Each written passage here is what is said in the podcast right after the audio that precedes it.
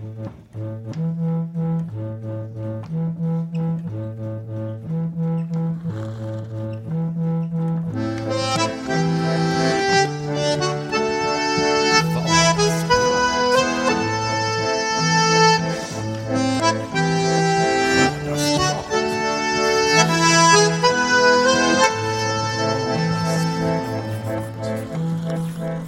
och välkommen till del två av tre av Vardagsprat om arbetarrörelsens historia. Framför mig sitter Ann Nilsén och Jörgen Hammarin.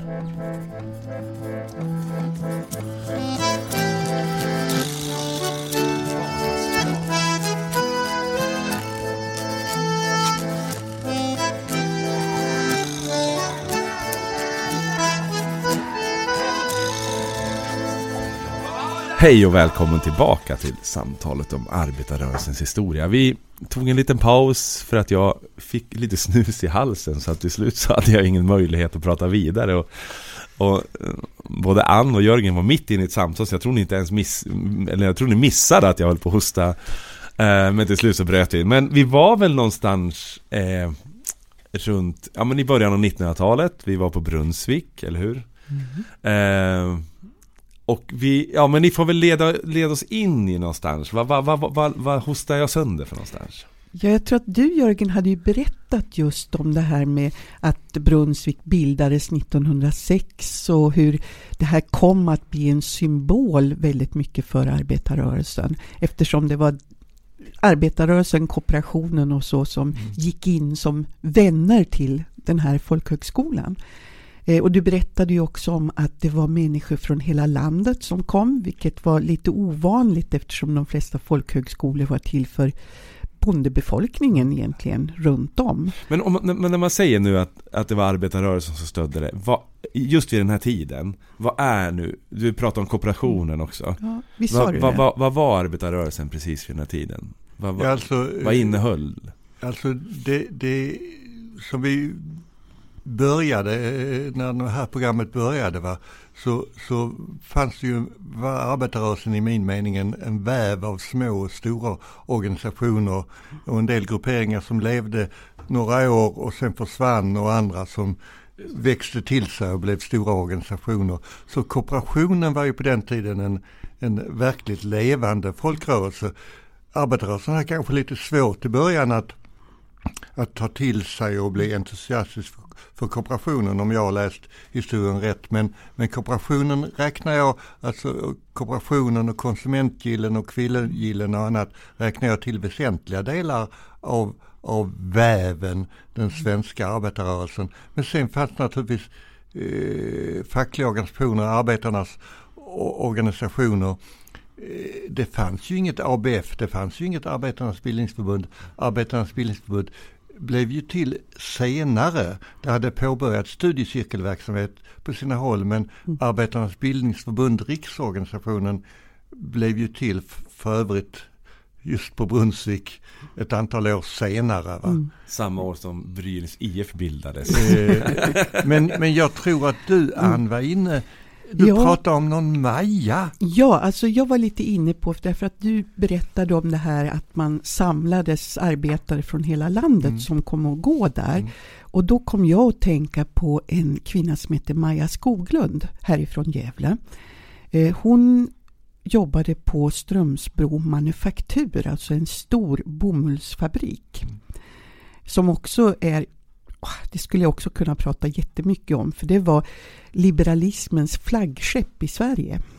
Frihandelns och liberalismens flaggskepp när den kom till på 1840-talet som Sveriges första aktiebolag efter aktiebolagslagen. Med Lars Johan Hierta och Per Muren och sådana här i spetsen. Mm. Eh, men, samma hjärta som, som sen blev Aftonbladet? Ja, som var Aftonbladet. Ja, som ja. var Aftonbladet. Mm, ja. Men eh, det är en annan historia. Men hon arbetade i alla fall på den. Hon var barnarbetare, började hon som. Eh, men blev fackligt aktiv och 1909 i samband med storstrejken så blev hon den enda kvinnan och också en ganska ung kvinna som blev medlem i då eh, storstrejkskommittén här i Gävle. Och det var ju väldigt ovanligt på den här tiden. Och hon blev ju naturligtvis då svartlistad efter storstrejken, alltså hon fick inte återkomma till arbete. Och då fick hon hjälp att komma till Brunnsvik. Så att hon går faktiskt där. Och där möter hon också sin blivande man. Eh, så att hon kommer att få ett helt annat liv än som oäkta unge barnarbetare i Strömsbro en gång i världen. Och det var för att hon faktiskt kom till Brunnsvik.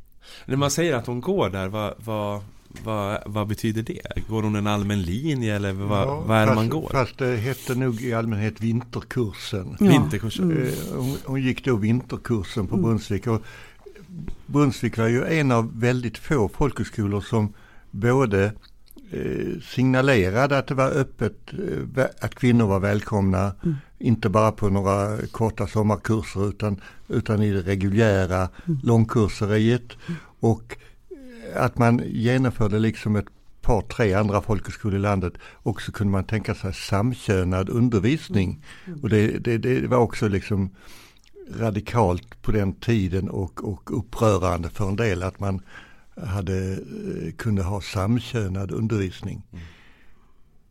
Men, men, men för att prata om en annan kvinna, det, det, alltså Dan Andersson, eh, vildmarksskalden, eh, är ju också en av de kända eleverna, deltagarna i Brunnsviks vinterkurser som betydde väldigt mycket för honom och, och uh, han har själv skrivit någonting att han sökte sig framförallt till Brunnsvik eftersom att han förstod att här fanns ett, ett stort bibliotek, det som heter av viktiga skäl Brunnsviks bokstuga och det var det som var den stora dragningskraften eh, först. Va? Men han började Får jag bara lägga in då att som du har haft möjlighet att bygga upp och återinvigt bara för ett tag sedan väl? Ja, Eller? jag och, eh, och Ekström, utbildningsministern, folkbildningsministern, ja. invigde det den 17 februari. Ja. Återinvigde eftersom att det hade varit eh, i olycka under ett par, tre år. Det är fantastiskt. Ja. Men 1914 så, så eh, kom Dan Andersson en vecka försenad till vinterkursen. På Brunnsvik träffade han bland annat sen Märta Larsson, en studentska från Östermalm som trots föräldrarnas motstånd hade eh, sökt sig till Brunnsvik av intresse och gick där. Och det uppstod ljuva toner och det, det, det finns en kärleksrelation mellan Dan och Märta eh, som är riktigt spännande, riktigt stormigt var det och nu för två veckor sedan så kom Göran Greider ut med en dokumentärroman om Dan och Märta och vad som hände 1914, 1915.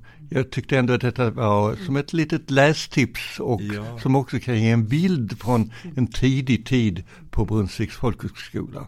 Men det är också en bild av det du var inne på förut, det här mötet mellan någon slags alltså radikal eller kultur och, och den här, de här arbetarna som jag tycker om man tittar på idag så jag tycker det är sorg, sorgligt alltså att det möts alldeles för sällan. Att det skapas de här, ja, de här mötesplatserna för de här för att mm. jag går igång på den här, för det måste ju ha varit myller av olika krafter som kommer in till Brunnsvik då och skapar mm. det här gyllene tillfället eller skapar den här kraften, eller?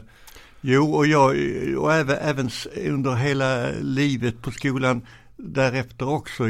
Jag började som lärare på Brunnsvik 1991 i januari.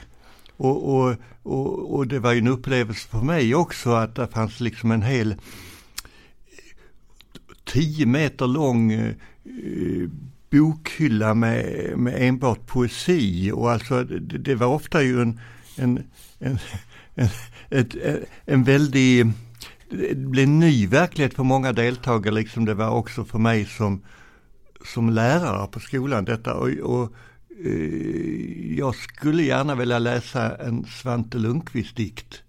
För att, för att eh, ändå ge ett exempel från, från eh, en dikt som, som handlar om sånt vi pratat om som, som eh, dessutom har påverkat mig eh, fortsättning av mitt liv. En dikt säger vi alla, men kan du bara kort säga vem den här Svante var? Jo, Svante Lundqvist, alltså jag, eh, när jag var då vanligt arbetarrörelseaktiv nere i Skåne och sånt där, så tyckte jag Svante Lundqvist var en tråkig jordbruksminister. Va? Eh, bara, men jag kände ju till att han, på den tiden kunde det hända att man faktiskt hade den kunskapen om vilka som satt i regeringen. Och det stod i kalendrarna vilka som, eh, det är ett mer ombytligt politiskt landskap numera. Men, men han var jordbruksminister, men jag hade inte insett att, att hans andra sidor av att skriva dikter och vara var, var, var aktiv i kulturella uttrycksformer utan det blev en positiv överraskning, en väldigt påverkande överraskning när jag kom till Brunnsvik. Liksom sådana saker eh, var också eh, positiva kulturkrockar för många andra deltagare där. Svante Lundqvist om pengar. Om pengar är den enda drivkraften för människors vilja att göra sitt bästa då hade aldrig Leonardo da Vinci målat, målat Mona Lisa eller Pablo Picasso Guernica. Då hade aldrig Beethoven komponerat Ödesymfonin eller Mozart musiken till Trollflöjten. Då hade August Strindberg, Karin Boye, Nils Ferlin aldrig fattat pennan. Hjalmar Branting hade inte blivit ledare för en hunsad arbetarklass Olof Palme inte riskerat livet i kampen för allas rätt till människovärde. Jesus Kristus hade låtit den barmhärtige samariten bjuda ut sina tjänster till den som betalade bäst och sållat sig själv till månglarna i templet. Det är sålunda lögn och förbannad dikt när kapitalismens profeter påstår att mammonsdyrkan är en given förutsättning för människans vilja att utnyttja sin förmåga. Och de här orden från Svante om pengar, de betyder väldigt, alltså den, den gav någon form av märg och innehåll och, och riktig substans alltså i, i egentligen engagemanget och, och där dået och nuet hänger, hänger samman. Så jag, jag, jag blev bara tvungen att ja, se till det, att, ja, ja, att Svante fick plats.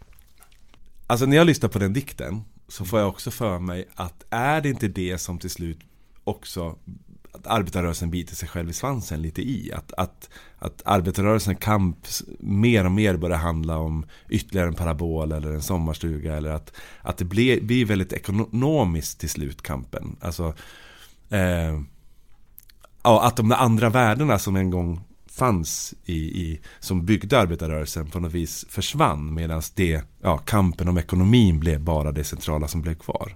Vi var ju inne lite grann och pratade om det också, just om det här med eh, att man en gång var det otroligt viktigt det här med att man skulle då få låta alla människor få liksom en kunskap och en bildning.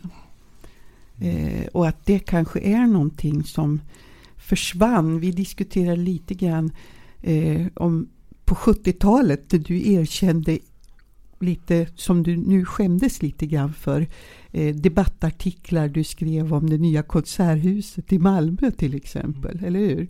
Mm. Och vad tyckte du om det då? Ja, jag fick för mig, och jag trodde till och med att det var radikalt det jag tyckte. Jag, för jag ville ju vara radikal och jag var glödande socialist och sådär. Jag är fortfarande det men jag trodde då det var radikalt att tycka att planerna på ett nytt konserthus i Malmö det var, det var liksom, handlade om en kultur och resurser till, eh, för en kultur som var gjord av och för en liten privilegierad överklass. Mm. Och, alltså, och jag, det jag småskäms över eller storskäms över det är att jag dessutom trodde att, att detta var en radikal hållning. Ja. Eh, nu menar jag att, att det är viktigt med någon form av inkluderande kultursyn mm. som vi har skrivit i, i ABFs idéprogram. Att vi står för en inkluderande kultursyn som, som då innebär både de sköna konst, konsterna och upplevelser där man i en del sammanhang är publik. Mm. Men också det egna görandet, den egna delaktigheten och många olika uttrycksformer. Och att genom livets och mänsklighetens historia kommer det att komma fler uttrycksformer också. Så man ska liksom inte eh, spilla energi på att vakta de här gränserna för mycket. Men en inkluderande kultursyn som innehåller många olika slag av, av uttrycksformer där man både kan vara producerande och görande och man är upplevare också naturligtvis. Men visst har det varit en, en rätt så här eh, konfliktfylld fråga inom arbetarrörelsens historia, just synen på kultur? Absolut, den, ja. stor och det är eh, även, även i sånt som Arbetarnas bildningsförbund, alltså ABF, så har, har ju kultursynen, både kulturpraktiken och kultursynens sättet att se på kultur förändrats. Och jag håller med om det du antydde innan om att det har blivit lite, ja det, det, det, det har blivit, eh, det finns en omedvetenhet ibland i folkrörelsearbetet om, om kulturen och, och kulturarbetets betydelse. Jag håller verkligen med om det och det är ju någonting vi som är verksamma i bildningsverksamhet och folkbildningsverksamhet, vi har en stor uppgift att, att eh, alltså hela rikedomen av mänsklig eh, god verksamhet, alltså ska vi på något sätt ge plats och utrymme och använda. Mm. Därför jag, jag blir imponerad när du pratar om 10 meter lyrik. Ja. Så att säga i bokhyllan då. Och jag undrar ju då eh, hur mycket nutida lyrik finns det i den? Eller det är där som någonstans det går också en gräns mellan då det äldre som kanske mm. skapades då i början på 1900-talet, första halvan och sen det som finns idag. Om man tar till sig det idag på samma sätt egentligen. Mm. Vad tänker du, alltså den samtida kulturen?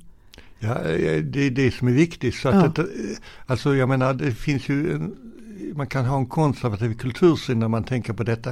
Mm. Att det bara är de sköna konsterna mm, och det är mm. vaserna i porslin ja, och det vackra glaset och glasskåpen och annat mm. som man mm. beskådar. Va? Men jag menar om det skulle stanna vid det och man kan säga att en del av arbetarrörelsens kulturarbete under delar av 1900-talet var ju rätt så mycket om att man skulle sprida, sprida till de breda massorna. Ja Ja, oh ja. Eh, Konstfrämjandet. Om, om, om de sköna konsterna. Ja. Och, och, det är ju bra att det blir att, att, att vi verkar för en kulturell allemansrätt. Mm. Både i upplevandet och i görandet mm. och Absolut. utövandet. Mm. Alltså, eh, mm. och, och, även möter, eh, in, på poesins område mm. också möter nya poeter. Va? Ja. Så det är, ett, det är ett stort ansvar det. Ja, för nu blir jag lite provokativ här. Men jag kan ju uppleva ibland att det ibland, ja även dagens, vad ska man säga, arbetarpartier och så, så finns det ett litet kulturförakt mot den samtida kulturen. Alltså att man Eh, Eh, tycker att den bara är helt obegriplig och, och vad, vad, är detta för någonting och vad, det är bara nonsens. Alltså, någonstans där att man eh, kanske, det var lättare att ta till sig arbetarförfattarna med Ivar Lo och sådana saker en gång i världen än vad det är att titta på en graffitimålning idag eller någonting. Alltså, förstår du vad jag menar? Mm, absolut, absolut. Ja. Jag håller med om, om mm. din diagnos om hur det ibland är eller mm. delvis mm. är. Mm. Men det, det, är ju så att det är ju bara den delvisa ja, bilden. Men, men, men, men, eh, jag håller väldigt mycket med dig om och det, mm. det får vi jobba med. Ja.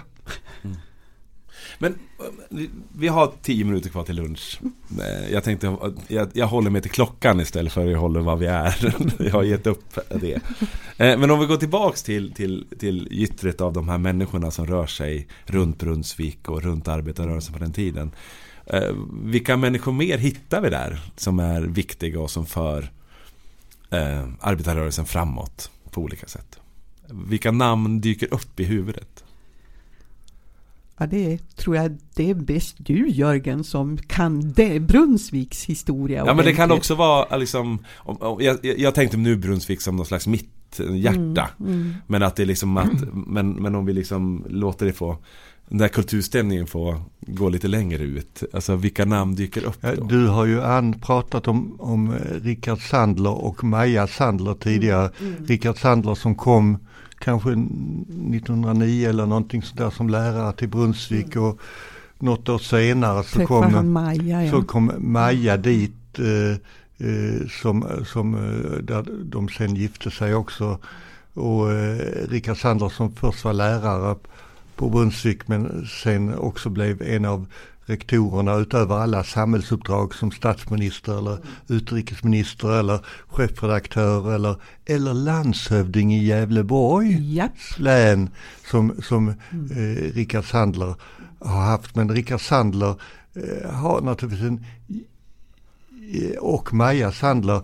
Eh, Rickard Sandler han var ju lärare i geografi och statskunskap och allehanda sådana ämnen. Han var också personen som Eh, eh, tog initiativ till, till eh, bildandet av Arbetarnas bildningsförbund. Midsommardagen 1912. Eh, och eh, Maja Sandler, alltså Rickard har själv skrivit att det var liksom i någon, något samsnack mellan mellan han själv och Maja och Oskar Olsson. Eh, guben med skägg som är kallad studiecirkelns fader. Som, som eh, insikten om att ABF borde bildas mm. växte fram. Och det bildades då 1912.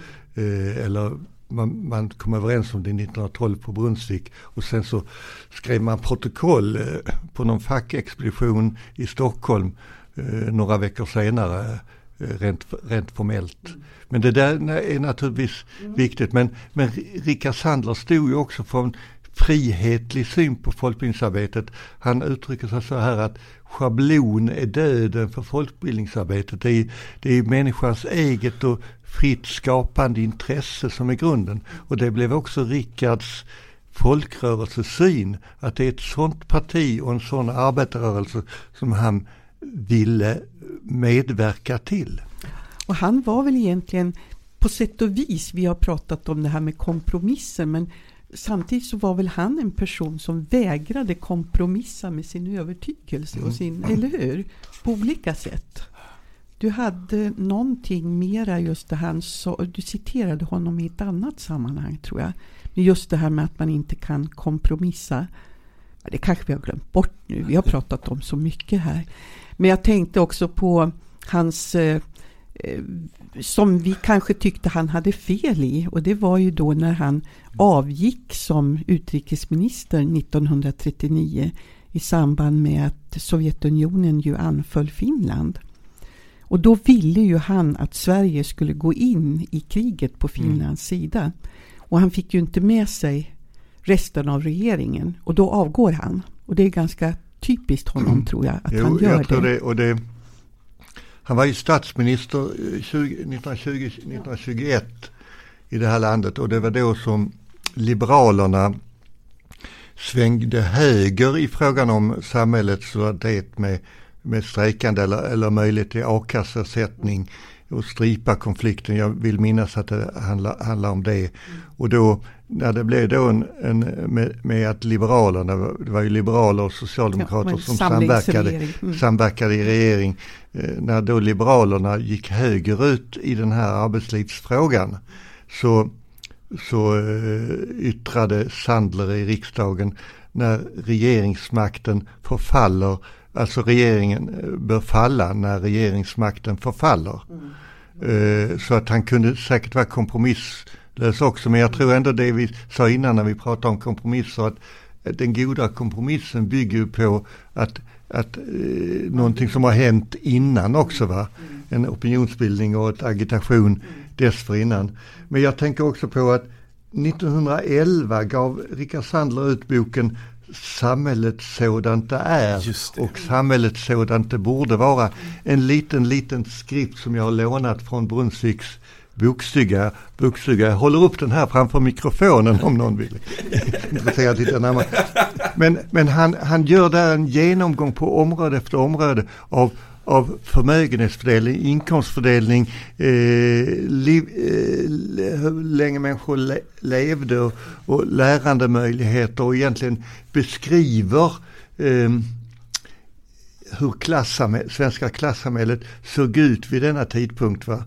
Och, och eh, hela högerns och intelligensia reste ju ragg mot detta. Men denna lilla skrift om samhället sådant det är som näring till en diskussion om hur vill vi att samhället ska vara hade en otrolig betydelse i den unga arbetarrörelsen. Alltså detta kunskapsarbete om, om hur verkligheten ser ut och, och hur verkligheten hänger samman med de sådana här grundläggande omständigheter som, som eh, människors försörjning och fördelning och, och hur makter är fördelade och sånt. Eh, det hade en jättestor betydelse för den unga arbetarrörelsen och gav också den unga arbetarrörelsen både argument men också självförtroende. Va? Och, och, eh, och fakta va? Och, På något sätt. Och, och, fakta va. Så, så det, det här är, tycker jag är ett, ett bra exempel på eh, det är ju också så att Rickard Sandler, han var en mångkonstnär på många sätt. Eh, han är ju också den person som tog initiativet och la grunden till det som är Statistiska centralbyrån och sånt där. Så att han, han är en mycket fascinerande person att känna i, i alla hans sidor egentligen. Mm. Och fortfarande i den strandvilla han och Maja bodde på, på Brunnsvik vid sjön Västman, så finns fortfarande på första våningen i en garderob ABFs första kassaskåp inmurat. Ja, och jag vet att jag läste någonstans där Maja Sanders skrev just om att vi åkte land och rike kring med ABF i en koffert. Just, och det här är Dan Andersson inblandad. Va? Eh, och Dan var ju ofta en slarv och som Rickard Sandler, jag såg för en dryg vecka sedan eh, en film, tv-film från 1963 där Rickard Sandler pratar om Dan Andersson som elev på Brunnsvik. Och han sa att Dan Andersson, han, han gick ju inte på alla föreläsningar och alla lektioner utan eh, på de som han var själv väldigt, väldigt intresserad av. Men han var ju en vän eh, till Rickard och Maja och i, i familjen. Och när Rickard Sandler skulle åka till Göteborg för han blev chefredaktör för Ny Tid. Så, skulle, så, så var Dan med och packade ABF-kofferten kofferten eftersom att Maja skötte ju, skötte ju all ABFs administration. Va? Och sen skulle Dan ta den här kofferten med ABFs utensilier som man sa på den tiden eh, till stationen för att, för att eh, på SJ liksom Eh, Pollettera den. Pollettera den, ja just det, de här orden som man kunde utan till en gång i tiden. Och den här kofferten kom bort och var borta lång tid. Alltså hela ABF var borta? Ja, alltså allt ABFs administration. Skulle någon lyssna på det här och, och tillhöra någon ABF-kontor eller på förbundet så skulle de nu rysa. Allt är borta. Och, och, men Maja Sandler skriver i sina memoarer men verksamheten fungerade ändå.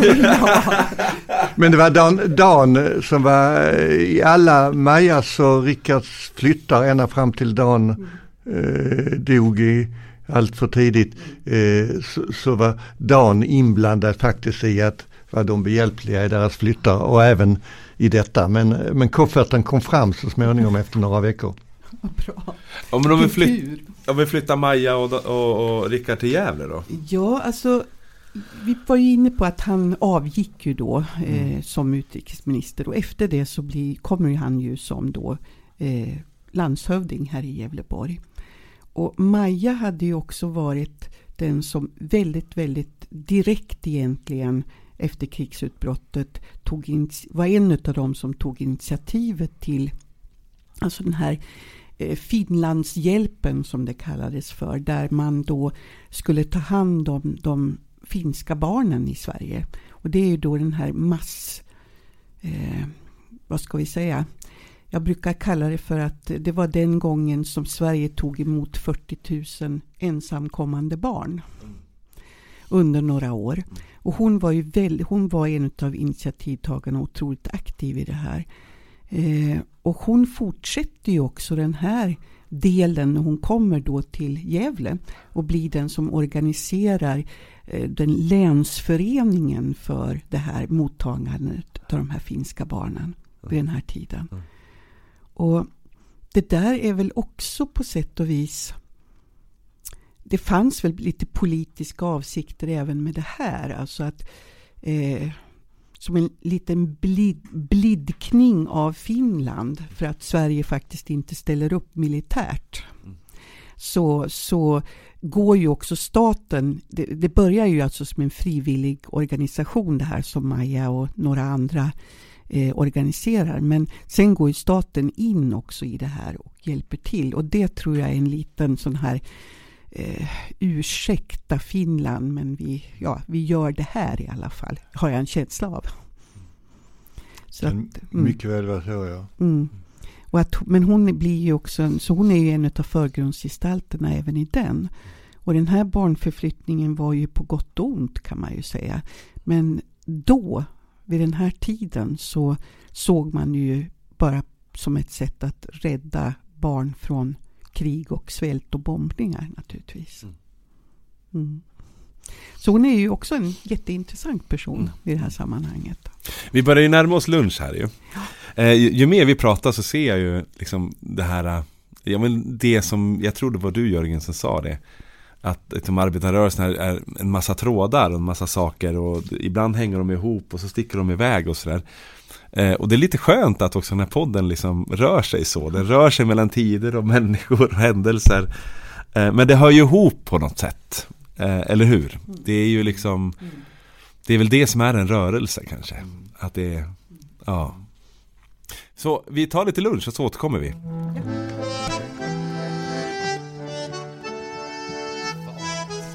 Okej, då är vi tillbaks efter lunch på Kopparmässan i Norrsunde eh, Som ligger på fabriksområdet och åt en väldigt god Wallenbergare, eller hur? Det gjorde vi. Det var, det var en trevlig. Eh, jag hade ju som ambition från början när vi satte oss här att på något vis hålla i någon slags linjär linje. Eh, det söndrar vi ju rätt snabbt. Men jag tänkte nu när vi har ätit lite lunch så, så kan väl jag ta tillbaks det försöket och så söndrar vi det igen helt enkelt. Eh, och de sista, vi var ju inne på massa år där i slutet av 1800-talet. Sen kom vi upp till 1902 eh, med Oskar Olsson och den första studiecirkeln. Eh, vi var och landade på 1906 var vi väl. Mm. Eh, som var Brunnsviks start. Och sen 1912 var vi inne lite grann också när ABF bildades. Eh, så om vi är där runt omkring då, om ni skulle ge ett nytt sånt där år vi kan börja samtalet kring, vilket år ska vi landa i då? Ja, vad säger du, Jörgen? Ja, jag, jag skulle egentligen vilja, eh, jag vet inte om jag ska säga ett exakt år, Eh, men, men eh, skördetiden efter andra världskriget. Mm. Eh, om det ska vara 48 eller 49 eller vad man vill. Alltså det är ja. inte exakta år alltid som är det mest viktiga. Men, men det är ju så att mot bakgrund av krigets faser av fascism och nazism. Va? Så eh, Eh, utöver att, att, att det fanns liksom resur, eh, eh, tankar om att rulla rulla igång arbetet med att bygga vidare på folkhemmet och förbättra olika omständigheter. Den sociala demokratin som det heter, de sociala omständigheter. Utöver det, det, det där, där kan ordet skördetiden användas med att oavsett om det är sjukförsäkring eller, eller omsorger eller vården eller vad tusan som helst så, så är det stort folkhemsbygge som tog fart mm. efter andra världskriget av naturliga skäl.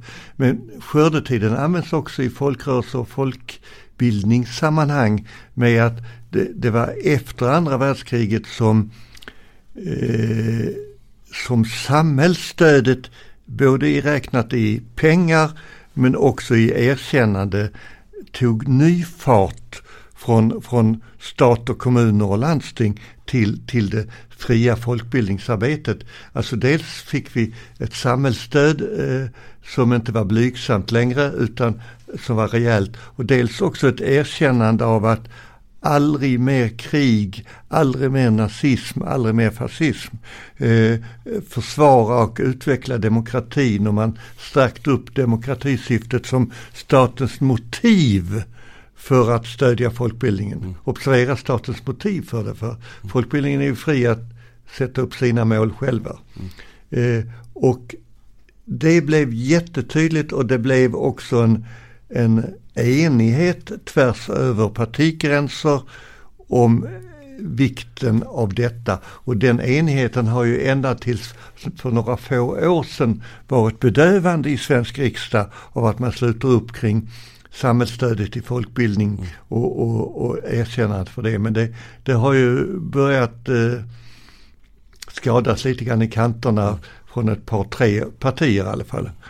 Eh. Ja, vi var inne lite på det på lunchen. Att det är liksom Att ser vi en ny eh, vi, vi, Det sunda förnuftet pratade vi om eh, ja. i, i, förra samtalet. Eh, och på något vis När jag var uppvuxen och, och, under min väg så har på något vis jag Känt att jag har tillhört och förstått ett sunt förnuft som jag har tyckt om på något vis i grunden. Mm. men sen var det väl, jag, jag, tror det var du och jag och några till som satt och pratade för några år sedan. Där vi börjar få en känsla i magen att det där sunda förnuftet håller faktiskt på att förändras. Mm. På något sätt. Mm, mm. Som inte vi, ja. Man inte riktigt förstår. Nej, och att, att man helt plötsligt kanske man inte tillhör de här 89 procenten som på något vis ändå har gemensamt sunt förnuft. Som, som alltid studsar. Sen om man är, eh, är det partiet eller det, men så har man ändå skrivit på vissa saker. Liksom. Men nu börjar, ja, det känns som att det börjar klackerera. Mm. Det kan man ju undra vad det beror på egentligen. Och det här är ju inte heller någonting som bara rör oss i Sverige. Utan man ser mm. ju den här vågen internationellt enormt mycket. Mm. Och vi pratade också lite grann om det här med tilltron till samhället. Och förändringen mm. kanske utav det. Där vi ju traditionellt haft den här enormt starka tilltron. Till staten, till staten och, till, ja, och, och samhället. Ja, institutionerna. Och, ja, men där man också känner att det börjar krackelera lite grann. Mm. Och vad det nu beror på. Ja. Är det de ökar? För vi har ju också sett sedan 80-talet till exempel att, att vi lever i ett land där klyftorna ökar mm. stadigt egentligen. Mm. Trots att vi har haft långvariga socialdemokratiska mm. styren och sådär. Men, men det har ju ökat konstant. Mm. Alltså, och, det, och vi finns... har ju haft en ekonomi som har varit otroligt god egentligen ja. i landet. Men ändå så eh, får vi någon slags... Eh, det finns ett narrativ, en berättelse om att vi har att vi håller på att gå under. Mm. Alltså att vår ekonomi rasar, mm. allt, allt håller på att gå under. Och det är ju inte en sanning. Nej. Det där är ju också intressant att fundera över. Vad, tog vi det här klivet då ifrån?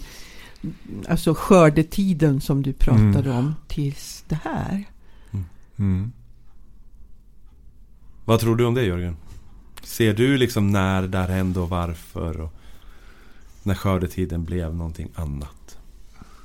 Det är, ju, det är ju på något sätt att, precis som vi pratade om och Ann pratade i början i förra avsnittet väldigt mycket om att, att vi eh, i gryningen innan vi fick en politisk demokrati i det här landet, alltså andra halvan av 1800-talet eller 1800-talet, det kännetecknas av en rå marknadsliberalism. Och så sen var den så pass rå med så stora konsekvenser så att det blev naturligtvis en motrörelse inom bland liberala krafter så vi fick efterhand en, en mer social liberalism. Va? Men på något sätt så på, på, på, på den liberala sidan så är det ju någon återkomst som har varit sedan slutet 70-tal och framåt av en mer av marknadsliberalism.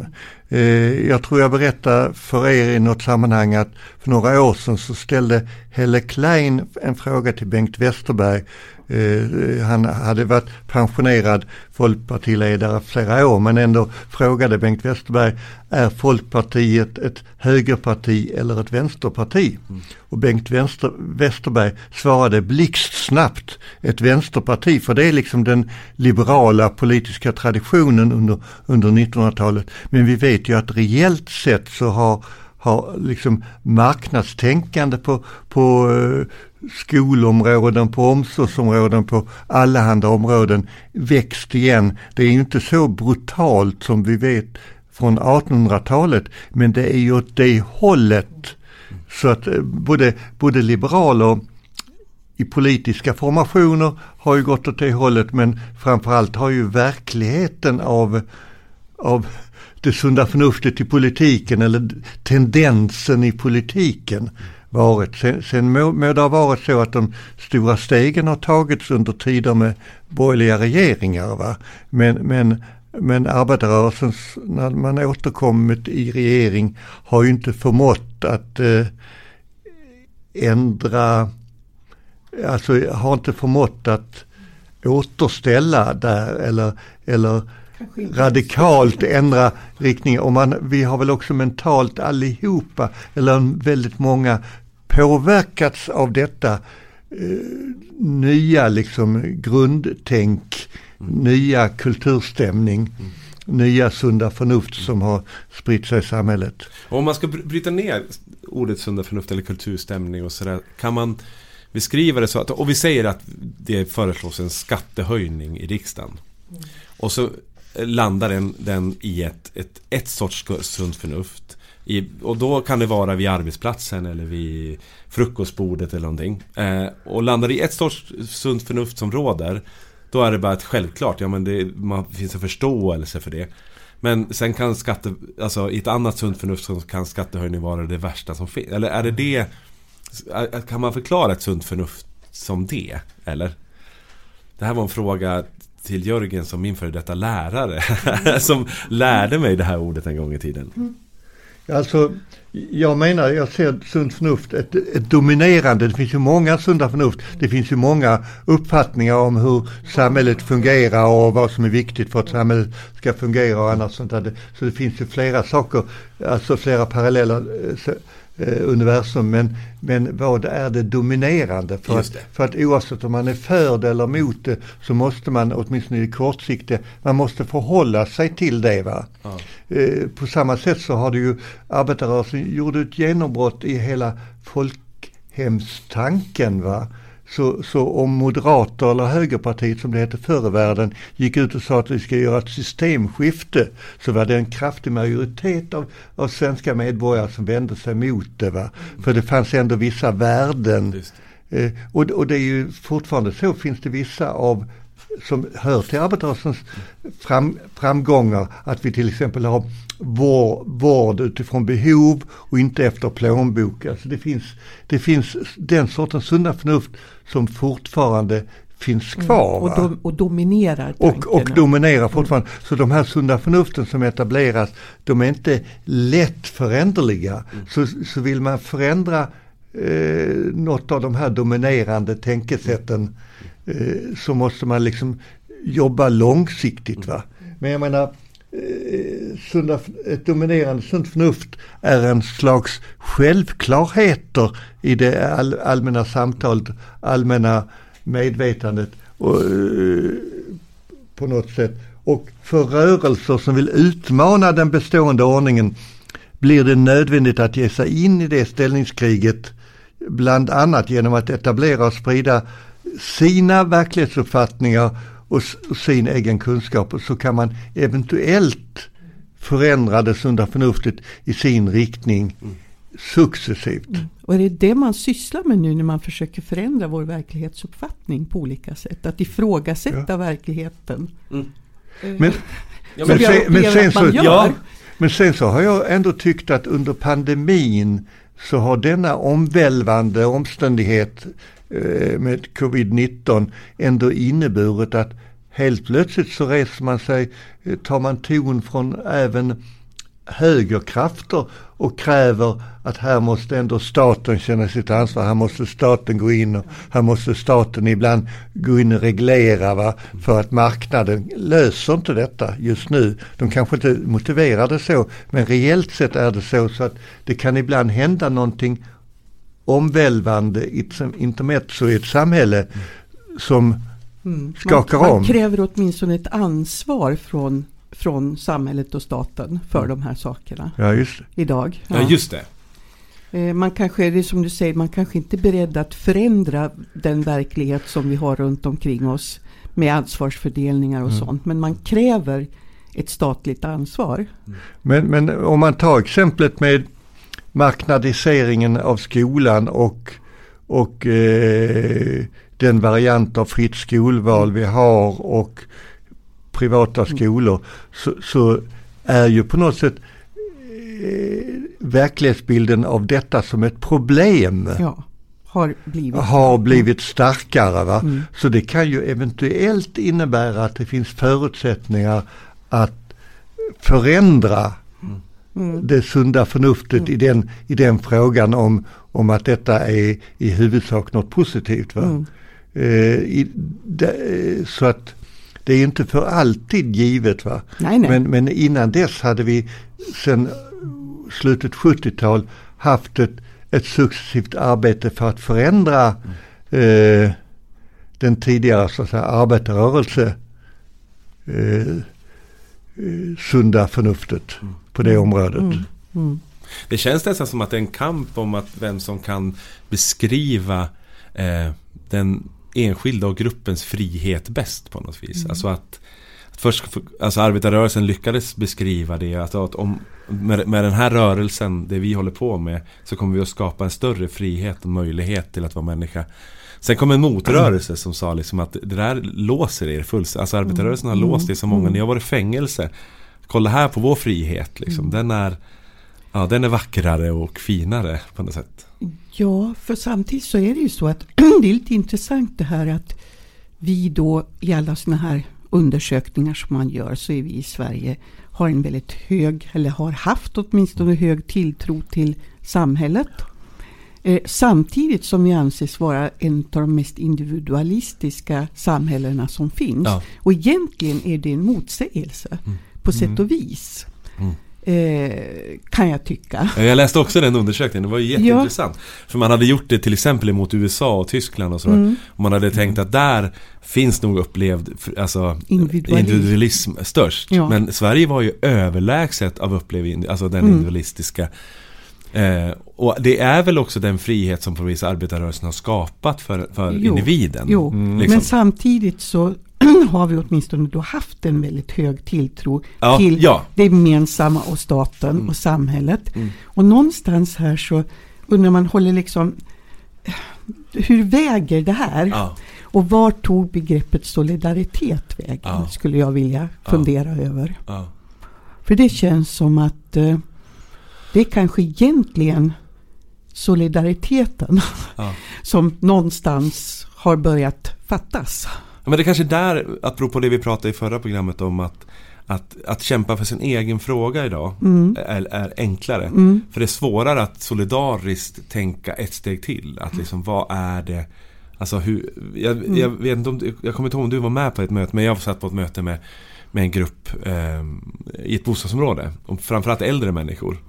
Eh, och det mötet slutade ju med att de såg sig själv som ett offer för någonting i samhället och framförallt för invandring. För, mm. Alltså att det fanns liksom att, att de, de såg, inte den, alltså såg inte samhället som, som en helhet, som någonting som alltså vi måste tänka på solidariskt. Utan de såg sig som ett offer för invandringen. Mm. Ett offer för... Ja, och, de och hade alla... blivit, blivit, av med sin lokal precis, för att... Precis. Ja, mm.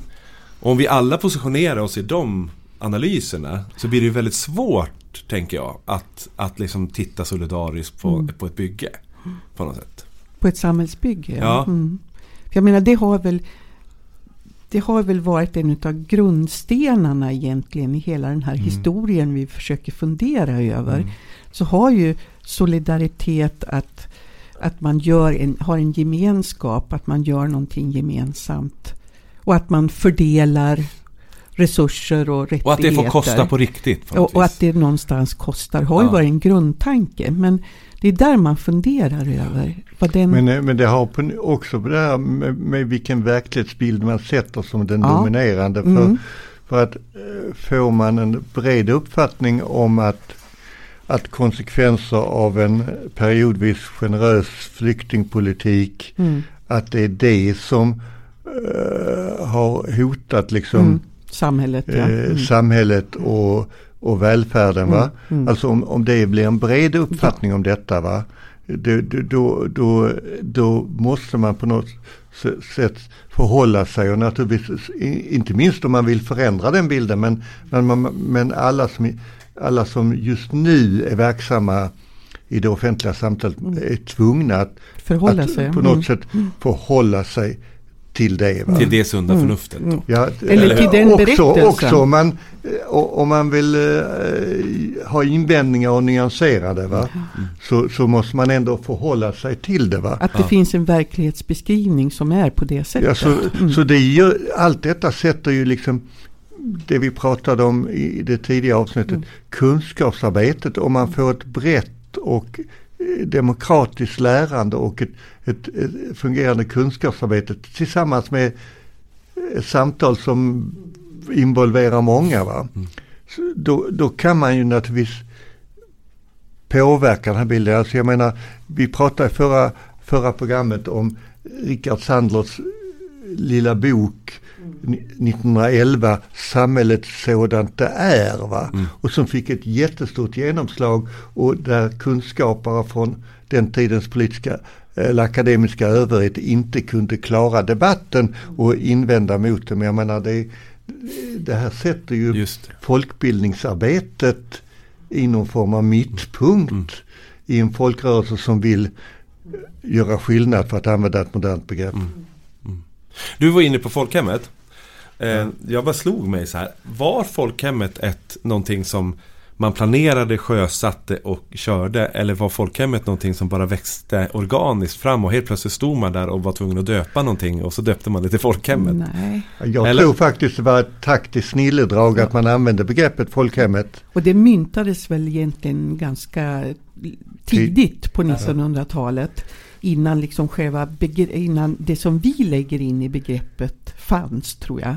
Ja, alltså det, jag, tror att, jag tror att historien stämmer med att Per Albin Hansson och hans politiska generation tog ett begrepp som från början eh, hade funnits liksom eh, hos den politiska högern och, och kulturella högern va? och gav det ett begrepp att i vårt folkhem eh, och så, och så, och en så ny prat, betydelse eh, gav en ny betydelse va? och fick genomslag på den. va och, och därför blev det ett radikalt begrepp. Ja. Alltså det är såklart, där fanns ju även, även människor som skulle anpassas in. Så det, det är väl inte bara smågulligt. Men, men, men, men ändå i huvudsak blev det ett jämlikt, ett, ett jämlikt folkbegrepp. Eh, eh, så att, så att eh, även om begreppet det var ju snillrikt i förhållande till, det är mycket intressant alltså i, i förhållande till våra, våra teoriresonemang här om sunda förnuftet och dominerande mm.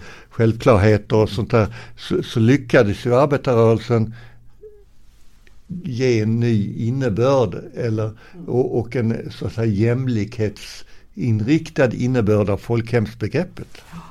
För åtminstone de st stora delar utav befolkningen. Ja, just det. det var några som uteslöts i det. Men, ja, ja. men, men däremot hör, hör vi på Sverigedemokraterna idag så vill de gärna ha en återgång till folkhemmet som är liksom ett, ett annat ett, ett, ett, snävare begrepp. Då, då är det inte människor som råkar vara födda någon annanstans som kan vinna tillträde. Eh, eh, är det inte. Mm. Ja. Nej men det är ju, alltså folkhemmet är ju man, om man säger så, så egentligen så började man väl att sjösätta det före kriget och så kom kriget emellan kan man och säga. Kom och sen kom din skördetid ja. som du pratar om. Ja, och, och den var också en skördetid i förhållande till, till samhällets erkännande ja. till den fria och frivilliga folkbildningen. Mm, mm. Liksom det var en skördetid. Men jag menar för att, för att eh, demokrati, alltså ordet socialdemokrati, det stora partiet av arbetarrörelsens partier. Alltså arbetarrörelsen är inte bara ett eller Nej. två partier utan det är en mångfald av små och stora rörelser och organisationer. Men, men, men eh, socialdemokrati, det, det inne, själva namnet innehåller ju en del av detta, socialdemokrati. Mm. Det, är, det är ju budskapet om det, om det sociala välfärdslandet. Mm som innefattas i det partinamnet. Mm. Mm. det finns så många olika delar av det här begreppet folkhem så att eh, det är ganska svårt. Man kan se det som en idag som en nostalgisk tillbakablick eh, när det gäller retroprylar. Alltså, det är ju, alltså idag så har man eh, ett ganska märkligt förhållande till begreppet folkhem. Tror, tror, upplever jag det som. Ja, nostalgi är faktiskt det centrala. När man ja, pratar om idag så idag. känns det ja. som att folkhemmet är ett nostalgiskt begrepp på något sätt. Mm. Och ja, och frågan är om kan vi liksom återvända till ett folkhem som begrepp 2.0. 2.0 Ja. och det är jag skeptisk till att man kan på något sätt ta tillbaks det. Men man kanske kan plocka ett par russin ur den här nostalgiska folkhemskakan som är viktiga då. Alltså begrepp som det vi pratade om det här med solidaritet och sunt förnuft och ja, rättvisa, eh, ja en massa sådana här saker. Ja men också allas på något vis möjlighet till ett Ja. liv på Ja. något sätt. Ett värdigt liv, ett Ja. jämlikt, alltså, Mm. och att, att leva i ett så jämlikt samhälle som möjligt på Mm. något sätt. Och jag brukar ju själv säga det att jag, jag är ju en typisk produkt av den här tiden. Alltså jag är född på 50-talet. Eh, jag börjar i gymnasiet när det är det nya gymnasiet som är fritt för alla. Jag kan börja plugga på universitet för att det finns studielån och allt det här. Så jag, jag har ju verkligen jag har ju utnyttjat folkhemmet in i minsta grad på det här sättet. Och har väldigt mycket utav det att tacka för att jag finns där jag finns nu någonstans.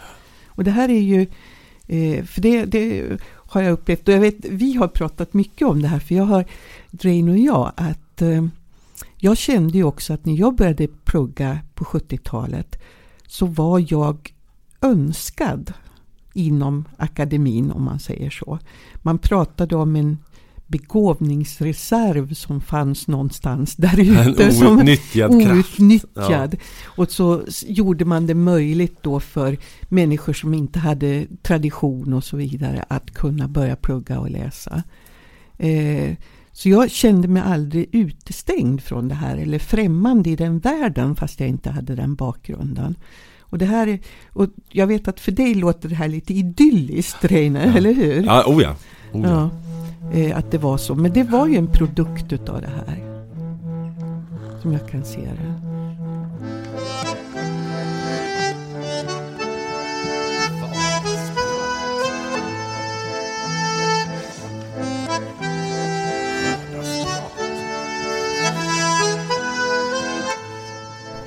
Ni har hört avsnitt två av tre av Vardagsprat där Ann Nilsén och Jörgen Hammarin har pratat om arbetarrörelsens historia. Inspelningstekniker och klippning Viktor Seidner. Ansvarig utgivare Torgny Jakobsson och jag, jag heter Reine Löv.